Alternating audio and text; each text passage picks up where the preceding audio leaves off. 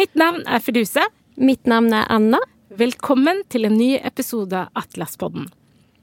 I dag så har vi med en gjest som har skrevet en ph.d.-avhandling som har tittelen 'Sårbare barnefamiliers erfaringer fra møte med norsk barnevern en narrativ studie'. Velkommen til deg, Lena. Takk.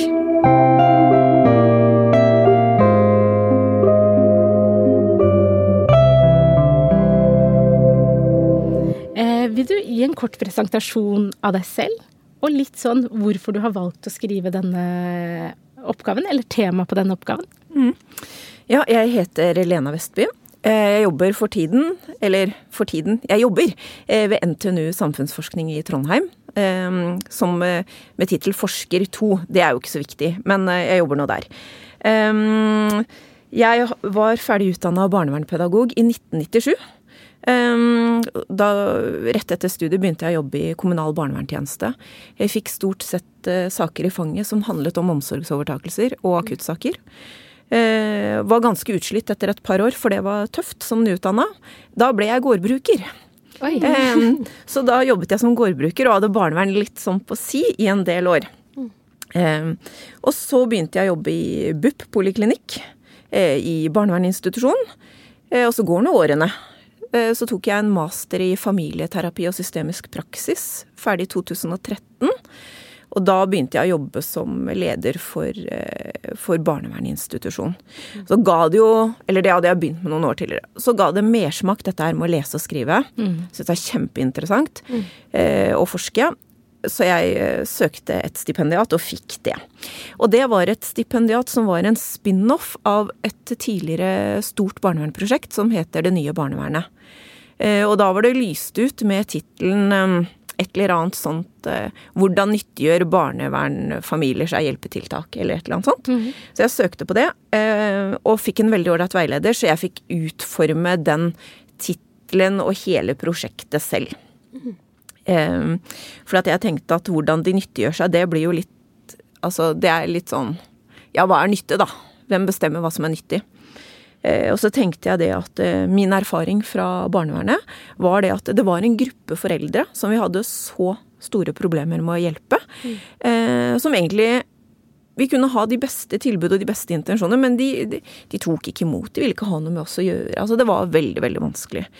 Eh, og det nye barnevernet, den siste sluttrapporten, de konkluderer med at de eh, familiene som trenger mest hjelp, det er de som får minst hjelp. Og at de sitter i en posisjon hvor barnevernet overvåker de på avstand og venter på å gripe inn når, altså, når det skjer noe alvorlig. Sånn at de er litt sånn, akkurat som de er litt gitt opp. Og så tenkte jeg, hvordan i all verden, hvordan i all verden skal man klare å hjelpe disse familiene? Eh, og så tenkte jeg, kan det være noe i disse foreldrenes historie som gjør at de ikke vil ha med barnevern å gjøre? Eh, så da valgte jeg å gå inn og gjøre livshistorieintervjuer med foreldre som var i en situasjon hvor de fortsatt hadde barna boende hjemme, men at det var en sånn overhengende fare da, for at barna kunne bli tatt under omsorg. Og jeg var ute i ulike barnevernstjenester, fortalte om prosjektet, om det nye barnevernet. Og så ba jeg barnevernstjenesten rekruttere familier til meg, eh, til prosjektet mitt. Familier som de eh, altså ikke klarte å hjelpe, eh, som hadde kanskje vært eh, familier de hadde kjent over generasjoner osv. Så, videre. så der endte jeg da med det utvalget mitt, som består av ti mammaer og én pappa. Og vi skal gå enda mer inn i avhandlingen din. Eh, Men du har kalt oppgaven din 'Sårbare barnefamiliers erfaring'. Vil du definere for oss hva en sårbar familie er? Ja. Eh, Jeg har jo i ettertid så har jeg tenkt at det, der med sårbare, å kalle det sårbare familier, tenkt at nei, det er egentlig ikke noe godt begrep. Sånn, sånn i etterpåklokskapens navn. Eh, Det er familier i sårbare og utsatte situasjoner. Mm. For det er familier, eh, men de er i en situasjon som gjør at de er veldig utsatt og sårbare. Og det handler om økonomi. Det handler om psykisk og somatisk helse hos foreldre, og kanskje også hos barna. Det handler om lavt utdanningsnivå eh, og problemer med å komme inn i arbeidsmarkedet.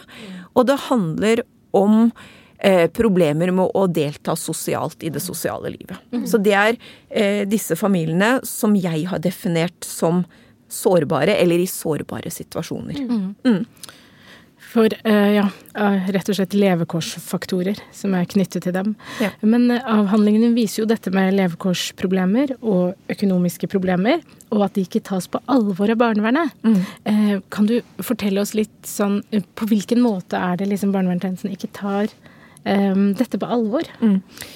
Um, jeg, vil, jeg tenker at barnevernet tar det nok på alvor at folk har dårlig råd, men de tenker at det er Nav som skal ordne opp. Mm. Eh, så skal de eh, Barnevernet skal eh, Barnevernets fokus skal handle om omsorg, omsorgsbetingelser og samspill.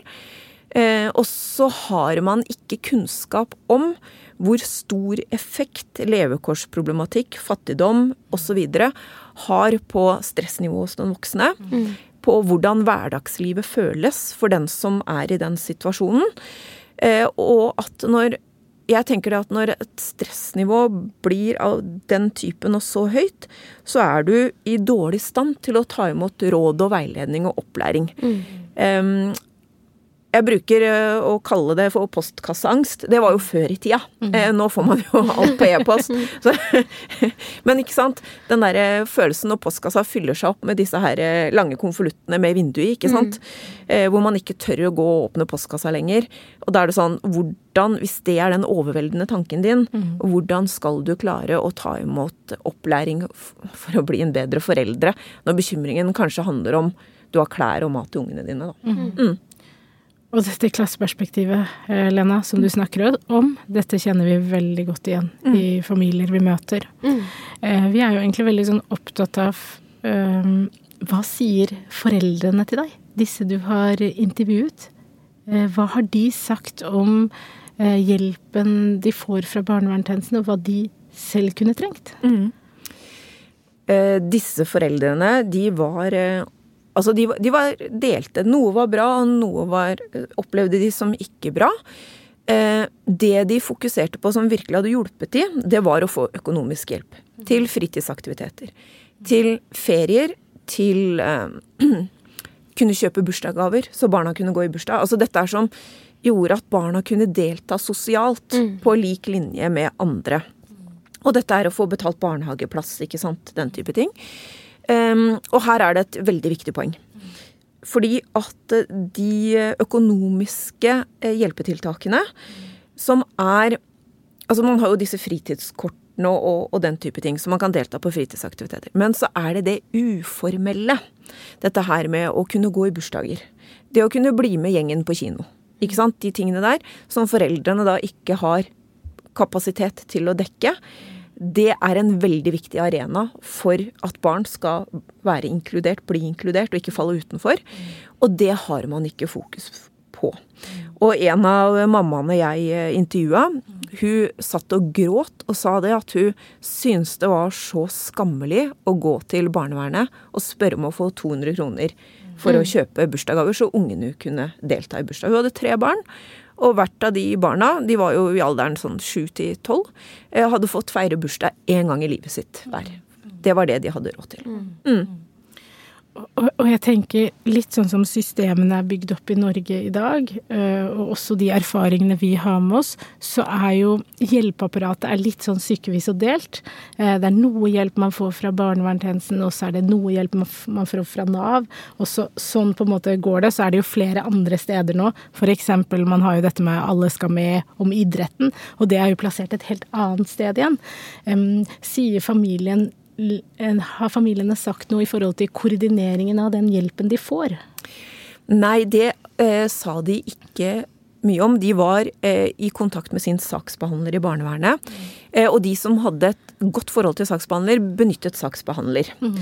Det de sa, mm. eh, var jo at de satt i mange ansvarsgruppemøter. Mm. Eh, hvor da dette her egentlig burde vært koordinert. Men det flere av de opplevde, var at ansvarsgruppemøtene ble en arena hvor Eh, fagfolk delte opplysninger om familiene mm. som de ikke ønsket at skulle deles i store eh, fora. Eh, og det var eh, han pappaen, han satte ord på det.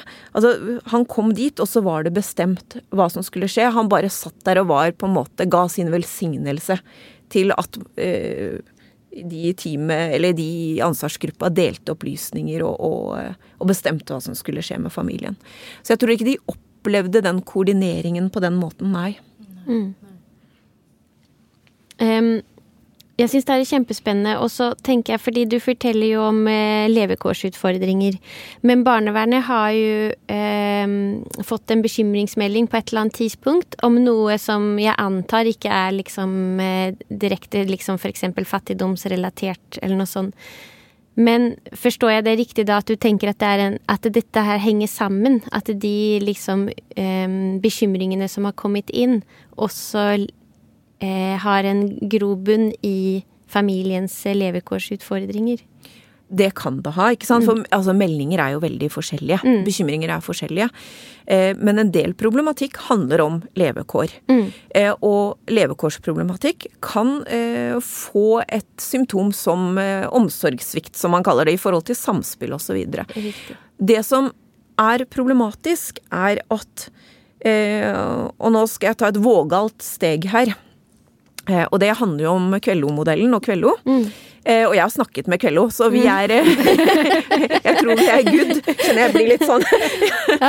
eh, men eh, i modellen hans og i boka hans 'Barn i risiko', mm. så er dette med fattigdom eh, og levekårsproblematikk det har veldig liten plass. Mm. Det er liksom en fet bibel, mm. og så er det om Jeg tror han kaller det armod. Mm på en og en halv side. Og det synes jeg er litt symptomatisk mm. for hvordan man tenker i barnevern.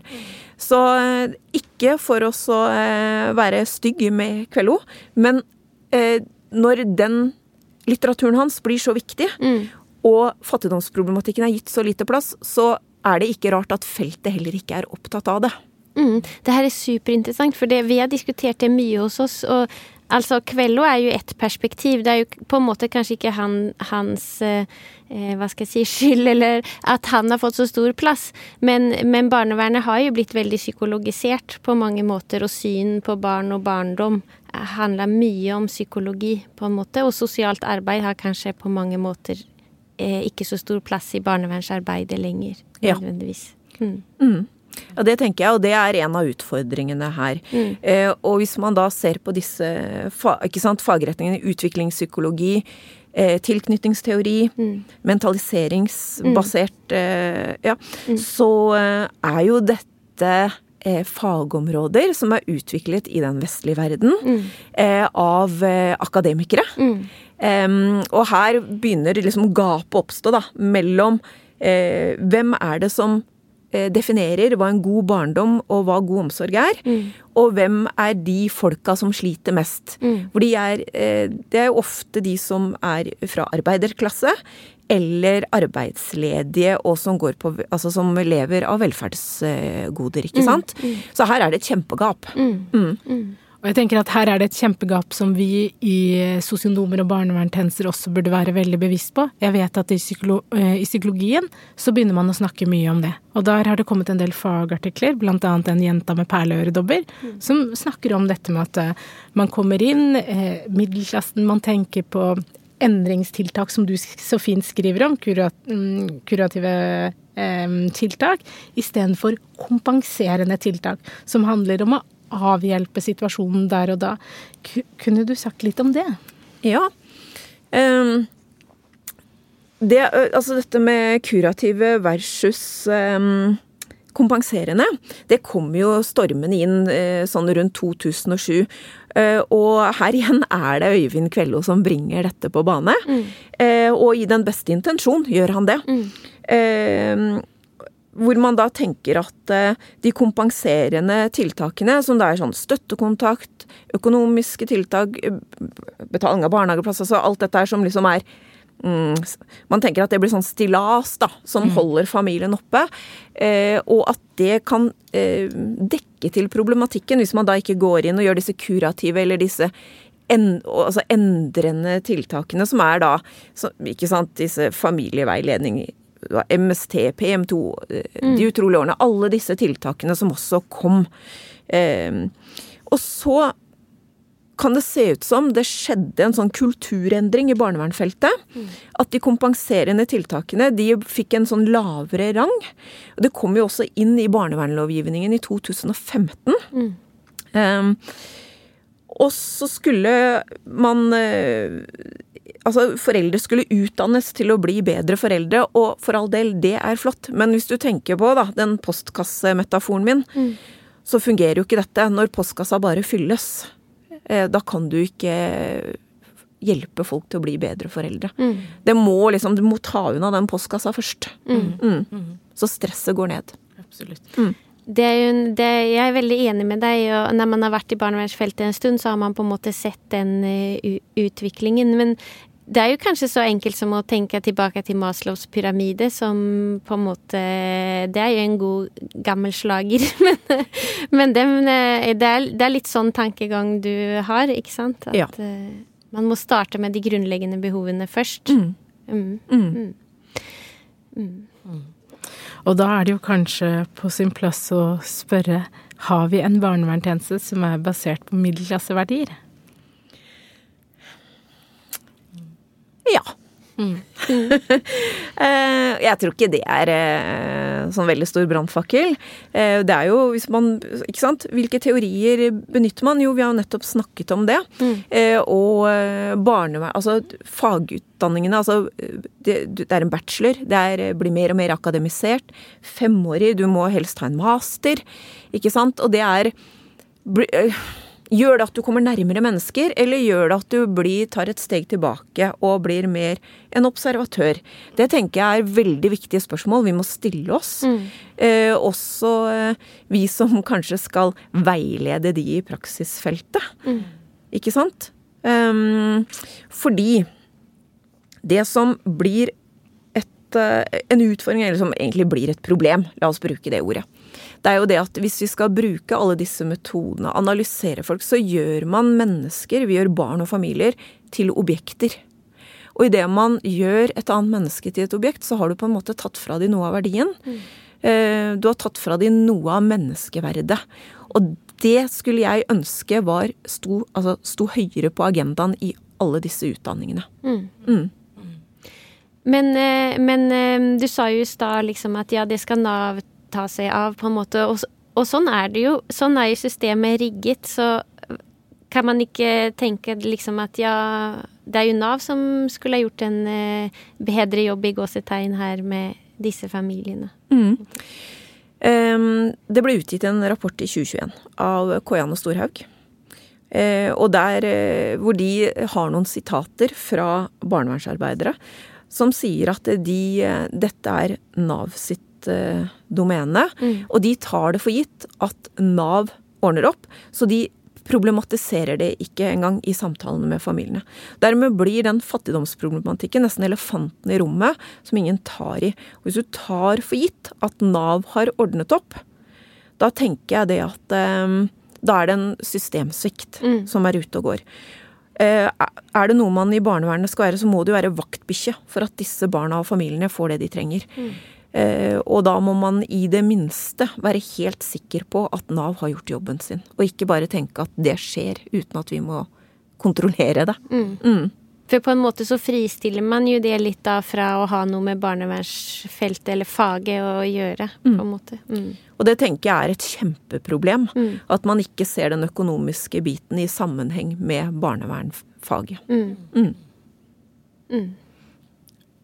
Og hvis vi går litt tilbake til dette med middelklasseverdier um, Og vi snakket i stad om endringstiltak og kompenserende tiltak. Hvis man da baserer det på middelklasseverdier, så kan man jo tenke at det ene slår ut det andre. da, At man tenker at nei, men vet du hva, denne familien de trenger på en måte nesten primært å fokusere på endringsarbeid, og ikke det kompenserende. Til tross for at vi har dette perspektivet med eh, Maslow, og at det er noen behov her som ikke dekkes. Dermed kanskje de ikke får den muligheten og den tiden til å på en måte tenke endring, da. Til å være med i den endringsprosessen sin, fordi at de har så mange bekymringer. Hva tror du skal til for at barnevernstjenesten skal kunne jobbe godt med disse familiene? Mm. Jeg tenker jo for det første så må man man må være oppriktig nysgjerrig på hvordan har disse folka det. Du, altså du kanskje dra hjem til noen, får noen på kontoret. Du må være nysgjerrig på mennesket. Eh, du må være nysgjerrig på menneskets historie. Eh, og du må være nysgjerrig på hvordan har du det? Hvordan har du det egentlig? Og det slo meg da jeg gjorde disse intervjuene, var at disse foreldrene de sa til meg at vet du, du er den første som spør hvordan jeg har det. Mm. Og det ble jeg litt overrasket over, da. Fordi at eh, ja, vi Barnevernets mandat er barnets beste. Og barnet eh, har en helt eh, egen selvstendig De er et rettssubjekt. Mm. Samtidig så er det sånn at hvis vi bare løfter barneperspektivet og ikke ser det relasjonelle, mm. så står vi i fare for å slå beina under hele omsorgssystemet til barnet. Mm. Så de relasjonelle rettighetene er vi nødt til å fokusere mer på. Um, og nå mista jeg tråden lite grann, for nå um, Hjelp meg litt på banen her igjen. Jo, hva, hva barnevernet Var det ikke det ja. vi Ja. Ja, det er det å bli kjent med familien og forstå altså relasjonene. Mm. Og i dette, da, ikke sant, hvorfor bruker vi ikke disse gamle teoriene som, som ble veldig fokusert på da jeg ble barnevernspedagog? ikke sant, Maslow. Mm. Bronfenbrenner. Mm. Ja, så man bruker det til å utrede og eh, kartlegge. Mm. Men til å hjelpe, hvor blir det av de teoriene da? Det lurer jeg på. Mm. Ja, hva er svaret på det? Det vet vi kanskje ikke helt, da, eller? Nei, jeg tror det at det, man, man, går en utdanning, og så lærer man seg disse teoriene, og så blir man veldig opptatt av undersøkelsesfasen. Mm. Eh, undersøkelsessakene, og så skal man inn med tiltak. Og så har man kanskje Altså, man har en tiltaksbank og, og tiltak å benytte. Men så har man kanskje ikke vært god nok på å utdanne folk til å se mulighetene i teoriene. Mm. Og det er utdanningsinstitusjonenes ansvar. Mm. Mye av det her er kompetanse, men vi er jo opptatt av i barnevernstjenesten også og liksom dette med mangfold. Vi jobber f.eks. med etnisk mangfold, dette med speiling, dette med forståelse. Forstår du den familien som sitter foran deg, da? Og ikke språklig, men hvor eh, familien kommer ifra, og hva de, på en måte alle de opplevelsene de har med seg. Kunne man nesten ikke tenkt litt sånn i forhold til eh, klasse også? Hvem er det Vi snakker om middelklasseverdier, men hvem er det som faktisk jobber i barnevernstjenesten? Det har jo også en betydning her. Mm. Og jeg tenker jo det at eh, det er enormt viktig å få mangfold i barnevernet. Mm. Både når det gjelder etnisitet, men også klassebakgrunn. Mm. Um, ja. Men den, den, største, hva skal jeg si, eh, eh, majoriteten av Norges, Norges, befolkning er jo middelklasse, kan man jo si. Så det er jo på en måte i seg selv kanskje naturlig at, eh, at barnevernet ansatte stort sett har den klassebakgrunnen. Så man måtte, på, man måtte kanskje hatt større fokus på det i utdanningene, eller i videreutdanninger, eller i praksis, i praksis på en måte. Men man kan vel også si at barnevernsloven også er ganske tuftet på middelklasseverdier på mange måter. Så det, ja. Ja, og, så må vi huske på hvor kommer barnevernlovgivningen fra? Mm. Ikke sant? For den har jo en lang historie. Eh, man ser jo første sporet av, av, dette allerede under Magnus Lagabøte, altså vi snakker 1100-1200-tallet, mm. hvor jordeierne hadde ansvar for å ta seg av de fattige, og det var voksne og barn. Og så har vi hatt legdsystemet. Mm. Eh, så får vi vergerådsloven ved inngangen til 1900. Eh, mm. Eh, det var da et svar på sant, krim, mye kriminalitet. Det var industrialisering, det var barneflokker i byene. Og da skulle man da Altså, det var disse usømmelige barna og disse usedelige foreldrene som mm. man altså da skulle rydde opp i. Så får man da en utvikling som etter hvert også følger Bowlbys tilknytningsteori ikke sant, ut på 50-tallet. Så får man ny barnevernlov i 92, og nå den siste som kom nå. Så man, det er jo en tråd gjennom mm. dette her. Mm. Eh, og hvor barnefokuset, heldigvis, har fått mye større plass, altså dette med barnets beste. Mm. Men samtidig så er det noe med at eh, det må ikke bli en unnskyldning for at vi ikke ser eh, relasjoner og helheter. Og så er det sånn at eh, alle barn Det er mange barn som ikke kan bo hos foreldrene sine. Det er det. Mm. Men dersom man kan hjelpe familier som står på en vipp til å beholde omsorgen, mm. eh, så er jo det enorme besparelser for samfunnet og for de enkelte individene. Fordi at en omsorgsovertakelse handler ikke bare om kostnader til fosterhjem og til rettssaker osv., men det er en enorm belastning for hele den familien som det gjelder. Mm. Det, det, er vel eh, eh, til barnets beste å jobbe med systemet rundt barnet. Det kan man vel, eh, tenker jeg, ganske lett eh, gå med på, eller hva man skal si. Ja, det er en grei konklusjon. Ja. Men um, så, så, på mange måter så kunne barnevernet hatt et mye mer bevisst forhold til å løfte barn fra fattigdom, da, gjennom å jobbe mer systemisk, eller jobbe med, hel, med foreldre og um, de temaene som, som mm. vi snakker om her, da. Og så tenker jeg at eh, vi kan jo snakke om barnevernets ansvar, men dette her er egentlig dette er et politisk ansvar. Mm, mm. Ikke sant? For at dette er et strukturelt problem mm. som da eh, gjøres om til et individualisert problem. Ja. Mm. Eh, sånn at eh, det må løftes høyere. Mm. Absolutt. Absolutt. Vi har jo dette faguttrykket i sosialt arbeid, personen i situasjonen. Og vi er eh, veldig opptatt av personen, men eh, eh, situasjonen og rammene har jo også veldig mye å si. Og når du, tenker, når du sier noe politisk, så er det jo noe også for sosionomer og barnevernspedagoger og barnevernstjenester og Nav å løfte dette perspektivet. Mm. Når er det liksom rammene fanger? Ja. Mm. Mm. mm. mm. Det er utrolig interessant å snakke med deg, Lene. Eh, det er et annet perspektiv som du også har med deg i avhandlingen din, som jeg ble veldig, veldig nysgjerrig på, og det er dette med språket. Ja. I, i, det er dette språket vi bruker i, i barnevernstjenesten. Eh, vil du si litt om det, de samtalene du har hatt med disse familiene? Mm. Ikke sant? Og her kommer jo dette med klasseperspektiv inn. Hvor det er da en eh, akademisert eh, middelklasse, jeg bruker det, ofte hvite kvinner, mm. ikke sant, mm. som møter disse familiene med det fagspråket man da har lært i utdanningen. Og så sitter det foreldre som kanskje har eh, ikke sant, Disse informantene mine, noen hadde bare barneskole. Mm. Noen hadde fullført ungdomsskole. Jeg tror det var to som hadde videregående skole. Eh, og så bruker man et språk som de faktisk ikke har forutsetninger for å forstå. Mm. mm. Kanskje vi bare skal legge til en at de familiene du har intervjuet, er etniske norske familier? Ja. Mm. Mm. Det er kun etnisk norske familier. Mm. Sånn at dette er et gjennomgående problem. Mm. Det er ikke sånn at dette er et problem som handler om andre etnisiteter eller om minoriteter. Dette er jevnt over hele.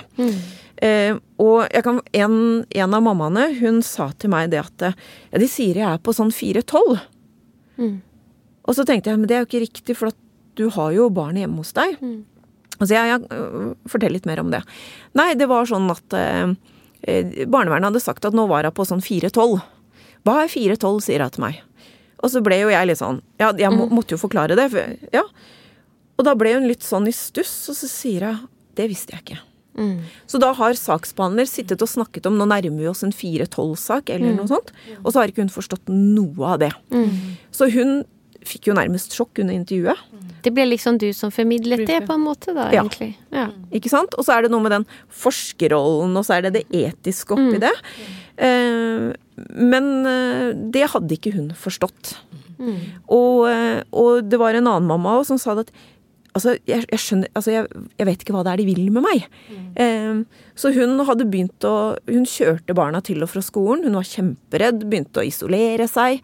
Eh, for at hun skjønte ikke hva barnevernet ville. Mm. De gjør sitt beste. En annen mamma hun hadde liksom helgardert seg da, med å be om uanmeldte tilsyn. Mm. Sånn at hun liksom hele tida hadde alt på stell. For hun mm. skjønte ikke helt hva de ville ha. Mm. Men så lenge hun hadde hjemmet på stell, og det var rent og lukta godt, mm. så hadde hun ting eh, klart. Mm.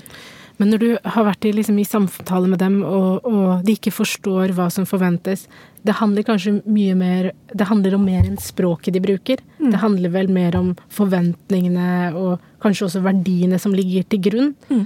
For å mm, Vil du og, fortelle litt mer om det? Jo, her også kan vi jo snakke om disse klasseforskjellene. Ikke sant? For at eh, Hvis du tenker deg eh, hvit middelklasse, jeg bruker det, det er litt sånn eh, karikert, men mm. Eh, så er det det med god utdanning, eh, fritidsaktiviteter. Ikke sant? Du har det derre fritids... Eh, altså racet på unger. Mm. Eh, det er fotball, det er ski, det er absolutt alt. Og så mm. skal du helst gå på kulturskolen og mestre et instrument. Mm. ikke sant? men så viser også forskning gjort i utlandet en, Det er en av anbefalingene av bøkene som jeg kommer til å gi dere. Eh, dette her med forskjellen på arbeiderklasse og middelklasse. Mm. Mens middelklassen er veldig opptatt av liksom å få ut, få ut eh, potensialet i hvert barn. ikke sant? At du skal bli til noe, du skal bli den beste versjonen av deg selv så sier kanskje arbeiderklasseforeldre at eh, gå ut og leik. Mm. Ha det moro. Leke med vennene dine. Mm. Og her blir det jo en krasj. Mm. Fordi at hvis man da forventer at barn skal gjøre det bra på skole, og skal gjøre det bra på fritida. Og så vet vi også det, at for å gjøre det bra på skolen, så må du også på en måte gjøre det godt på fritida. Mm. Eh, og det handler jo om det kunnskapssamfunnet vi lever i. Mm. Så er det en del familier her som ikke har det de trenger for å eh, oppnå de idealene som middelklassen da tar sånn, ikke sant. Mm. mm. Fordi det er normalt for jeg også jeg kommer fra hardcore arbeiderklasse. Mm. Uh, men som nå er blitt ikke sant, den derre hvite middelklassen. Mm. Um, og jeg, det kan jeg si sånn uh, for meg selv òg, så har det vært en sånn derre uh, Et litt sånn spenningsfelt. Hvordan skal jeg oppdra ungen min? For jeg vil jo gjerne at hun da skulle være sånn Få til alt og gå på skolen og mm. Men samtidig så tenkte jeg at ja, men jeg orker ikke det der kjøret. La holde på litt, da. Ja, mm. La holde på for seg sjøl. Mm. så det er litt sånn men kan man si det at eh, det, mange ganger så, så, er det at man forventer en klassereise, da? At, de, at, disse familiene er nødt til å gjøre en klassereise for at omsorgen skal bli bra nok? Ja, det, det var et veldig interessant perspektiv. ja. Er, eh, ja, kanskje. Kanskje mm. man forventer det. Eh, Uuttalt, selvfølgelig, ja, men Men det eh, tenker jeg at eh, dersom det er sånn, mm. ikke sant? Og det, jeg kan si meg enig i det, mm. Eh, at man forventer det. Men dersom det er sånn, så må det være uttalt. Og hver enkelt barnevernarbeider er faktisk nødt til å gå i seg selv. Mm. Hva har jeg med meg? Og det er nødvendig for å bli en god barnevernarbeider. Mm. Hva har jeg med meg av verdier? Av historie? Av politiske, kulturelle og sosiale holdninger? Mm. Eh, hva er det jeg ubevisst sitter og dytter over på andre mennesker i mm. møtet mitt med den andre? Mm. Det, dit må vi. For hva er en bra barndom, på en måte, egentlig? da? Det, det, den diskusjonen må man jo også kanskje ta med seg selv. Ja. Og med kollegaer, selvfølgelig. Men, eh, mm. Og hvis man da har um, Hvis man da tenker og er lite reflektert over hva en god barndom er, og har med seg sitt eget som en sånn mal, mm. så er det klart at da er det veldig lett å gå i noen feller når man møter de eh, familiene som jeg har snakket om, da, som er i de mest sårbare situasjonene. Mm. Absolutt. Og så er det jo veldig forskjellig hva som er i den barndommen. Hva er i den barndommen hvis du er i et hjem der det er mye sykdom? Hva er i den, i den barndommen der du, hvor du har foreldre som jobber mye kveld, helger, ubekvem? Ikke sant? Det er Foreldre som har mange jobber. Foreldre som har mange jobber. ikke sant? Hvordan ser den barndommen ut? Alle har jo et mål om å på en måte strekke til mm. og, og, dekke basisbehovene. Mm. Og jeg kjenner veldig igjen i dette her med innvandrere som kommer til Norge. Eh, der er jo klassereisen litt sånn rar, fordi det kan jo hende at noen har med seg utdanning fra hjemmelandet, og så får de ikke praktisert det, og så begynner de kanskje å jobbe som renholder. Eller så har de ikke mm, utdanning fra hjemmelandet og jobber som renholder. Og så ønsker man dette Man har dette sterke ønsket om at barna skal lykkes i det nye samfunnet.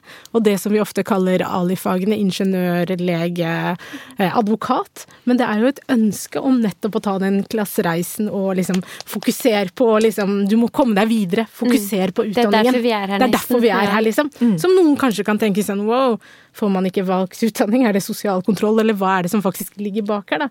Så er det det derre genuine ønsket om at ok, vi ofret en del. Eh, vi startet på bunn. Nå har du en eh, mulighet til å lykkes i dette livet. Mm. Mm. Mm. Så det er litt øyne som ser også. Mm. Mm. Mm. Vil du fortelle litt mer fra Det er veldig interessant å høre på. Eh, jeg er veldig sånn opptatt av dette språket. Du forteller om fire tall. Du forteller om at man ikke helt sånn forstår hva de forventer, men man, hvis man skulle på en måte muntlig forklart mer om forventningene, eh, ville man forstått det da, eller snakker man da om en kanskje en annen barndom når man presenterer det for dem? Mm.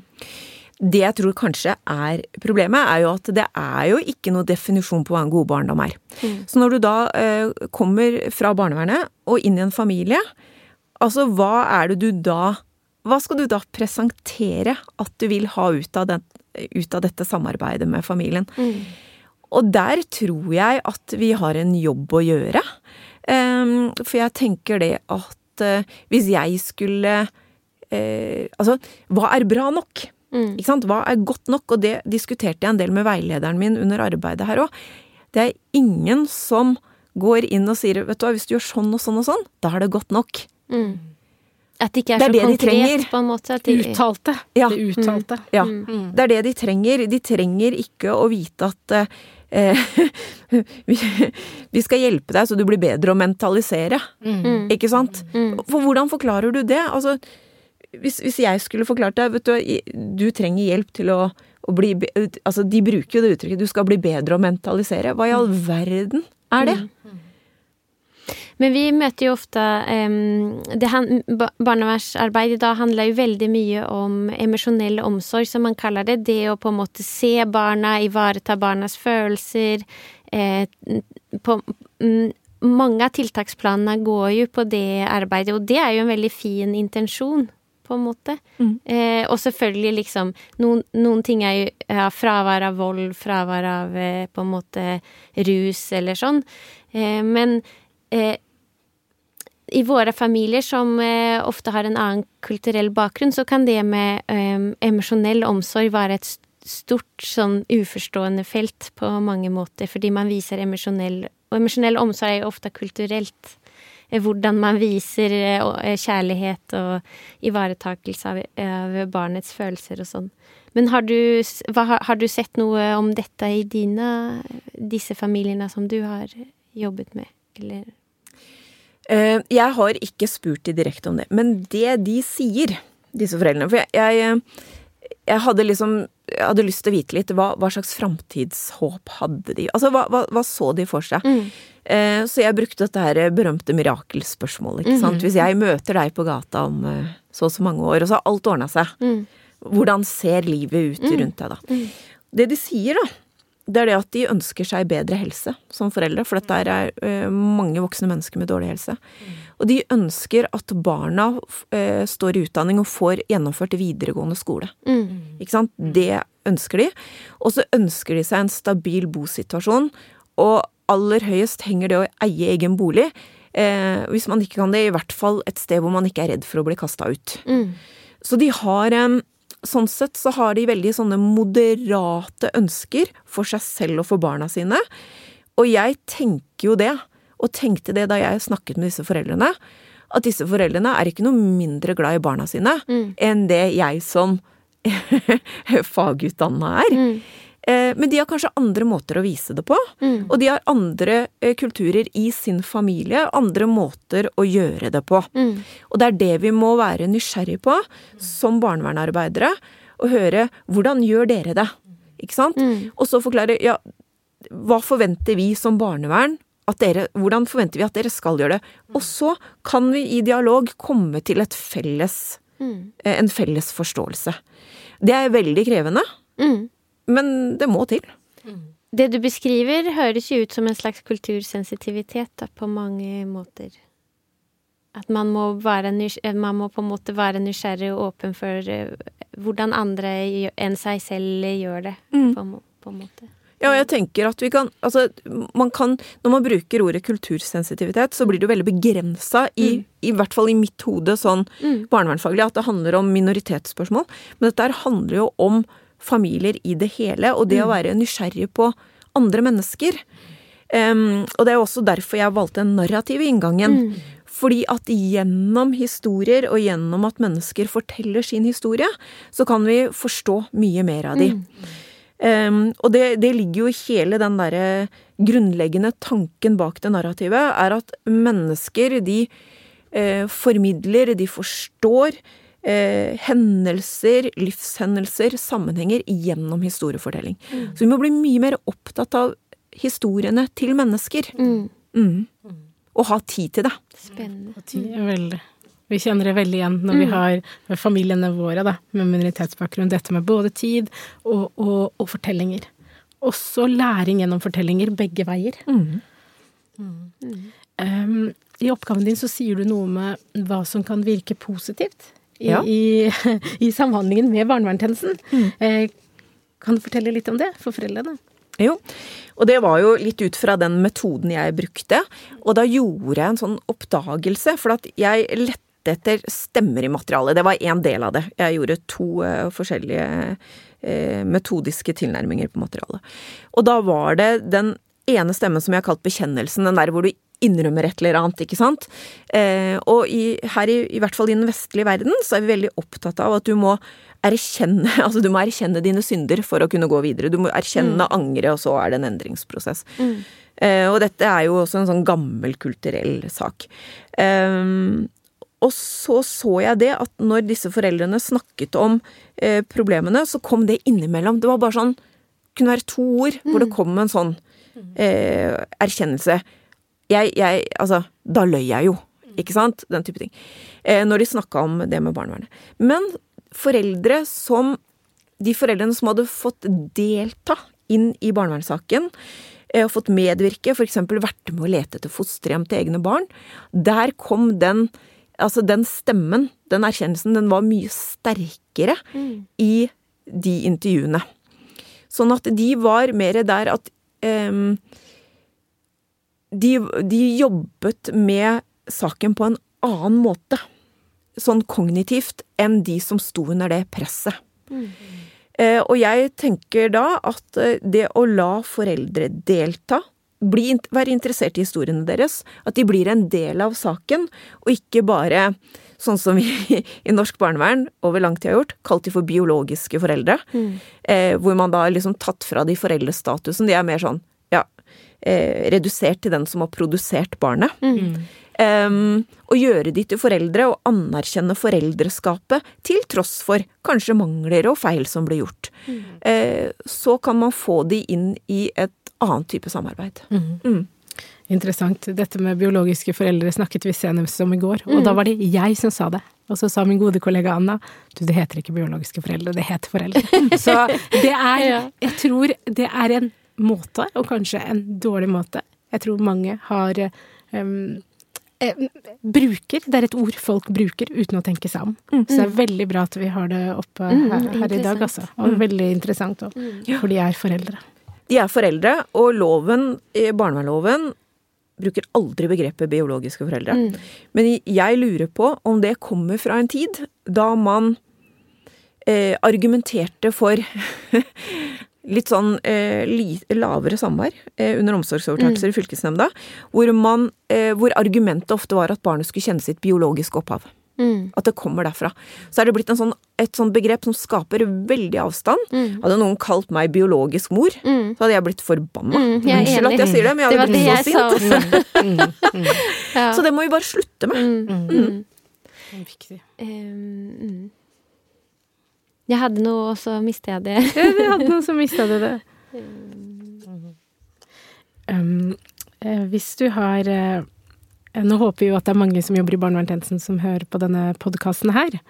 Um, hvis du skulle sagt noe til dem eh, med den inngangen som du har hatt i ph.d.-en din, avhandlingen din, eh, og de funnene du har eh, Altså de funnene som studiene viser. Hva ville du sagt? Hva kan man gjøre annerledes, eller hva kan man tenke på i møte med egentlig hvilken som helst familie, for det handler jo om kartlegging òg. Mm.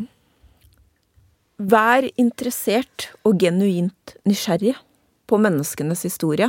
Bli kjent med de. Hvem de er, hvor de kommer fra, hva de tenker, hva de mener. Eh, gjør de til deltakende part i saken. Eh, og så er jo ikke det alltid lett. Eh, jeg har tenkt å bare ta opp én liten ting der. Ja. fordi at eh, det kan jo være sånn at man kommer inn i en familie som man rett og slett bare kjenner at dette fikser jeg ikke. Eh, fordi at du er Altså, verdier og alt går så på tvers av hva du selv står for. Eller du kommer inn i hjem som kanskje er fylt av søppel, ikke sant. Dyreekskrementer, ikke sant. Den type ting. Eh, og så skal du snakke med denne forelderen. Og du bare hæler det ikke. Da må du jobbe med deg sjøl. og jeg eh, kjøpte, jeg har jo drevet med hest i mange år, så kjøpte jeg for mange år siden et lite hefte om å trene hest, og en amerikansk dame, og så irriterende at jeg har mista det. Men hun sa det når hun fikk hester i trening, da, for dette blir en litt sånn sammenligning. Da kan du få ganske fæle dyr, for å si det sånn. Mm. De er helt gærne og biter og ja.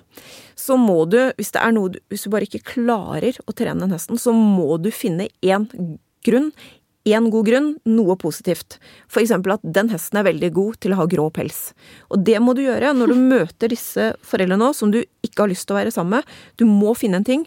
Og det kan være så enkelt som at du, Anna, du er veldig god til å ha på deg det skjerfet. Mm. For da har du en positiv innstilling mm. i det du sitter og snakker. Mm. For den andre vil helt automatisk kjenne på den avsmaken din. Mm. Og dette er også dette her med den eh, kulturelle marginaliseringen som jeg snakker om. Det handler om smak og behag, og når mm. vi får avsmak for det vi møter, da gjør vi ingen god jobb. Mm. mm. Veldig interessant. Jeg kom på hva jeg skulle si i stad. Når du sa at jo, man må invitere foreldrene inn til samarbeid, eh, så, så ville jo mange sagt, og sånn er det jo, at ja, men de vil jo ikke samarbeide, de er jo bare på en måte De liker jo ikke barnevernet på en måte. Og, men det de kanskje, når jeg hørte deg nå, så tenker jeg det ligger noe her i det du snakker om nå, på en mm. måte. Mm. Det er noe med det. Um, man må prøve å finne den inngangen. Mm. Uh, og kanskje, hvis det har gått veldig Hvis jeg, da, uh, ikke klarer det, så er det kanskje sånn at noen andre skal prøve. Mm. Mm.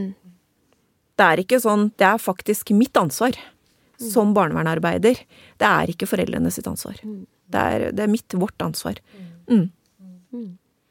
Dette her er liksom ikke bare noe som tilhører um, dette med å jobbe med seg selv, men jeg tenker at dette her er absolutt noe som burde være på agendaen i enhver barnevernstjeneste. Å jobbe konkret, egentlig fagutviklende, mm. med dette klasseperspektivet. Mm. For det er noe jeg vil tippe man ser igjen i enhver barnevernstjeneste. Mm. mm. Helt avslutningsvis, Lena. Eh, hvis folk har lyst til å lære mer om det du snakker om nå, Eh, har du noen tips til en avhandling eller fagartikkel eller podkast eller noe som de kan eh, studere litt selv på egen hånd, eller? Ja. Ja, dette, jeg hadde jo noen notater her, så vil jo ikke denne her virke, men eh, det er nå så. Jeg husker de. Ja. Eh, det ene er en artikkel som er skrevet av en dame, Andenes, fra 2004. Den heter 'Hvorfor ser vi ikke fattigdommen'? Mm. Den bør man begynne med. Og så er det en eh, Edgar Martinsen som skrev en artikkel eh, publisert i 2010 i Fontene Forskning som handler om symbolske byrder. Eh, og så er det Bente Koian sin doktorgrad fra 2011 om klasseperspektiv på, ja, altså i barnevernet. Så er det en veldig god bok skrevet av en Anette Larot, kanadisk forskner, som heter Unequal Childhoods. Den er en murstein, men en veldig god bok. Mm. Mm. Wow. Fantastisk. Fantastisk. Mm. Tusen, tusen takk, eh, Lena, for at du kom og delte dine erfaringer og kompetanse med oss. Ja, virkelig tusen takk. Takk for at jeg fikk komme, og at dere ville høre på.